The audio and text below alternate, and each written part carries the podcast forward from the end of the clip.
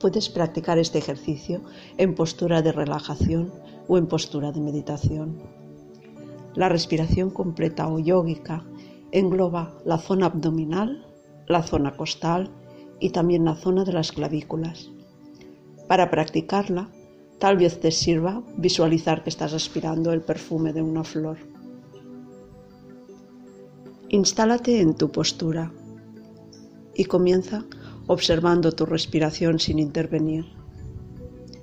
Respira suavemente por las fosas nasales y observa tu respiración hasta que la notes tranquila. Observa el movimiento de tu abdomen al respirar.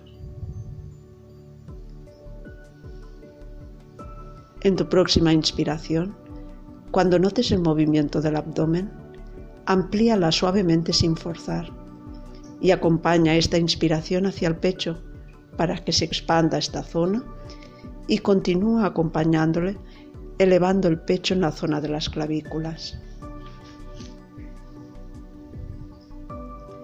En esta última fase de la respiración completa es normal que el abdomen pierda parte de su dilatación, pero de esta manera alcanzamos el máximo de capacidad respiratoria. La expiración realízala en el mismo orden. Después de inspirar, Mantienes el pecho alto. Dejas salir el aire desde el abdomen y luego continúa dejando que las costillas se cierren y por último el pecho descenderá y concluyes así la expulsión. Después de exhalar, lleva tu atención a la zona abdominal y espera que aparezca la siguiente inspiración y repite todo el proceso. Inspiras, acompañando la respiración desde el abdomen hacia el pecho y hacia la zona de las clavículas.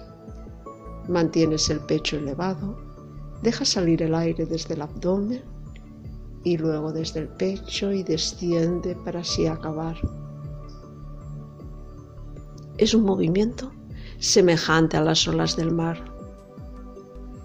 Quizás esta imagen también pueda ayudarte. Espera suavemente que aparezca la inspiración.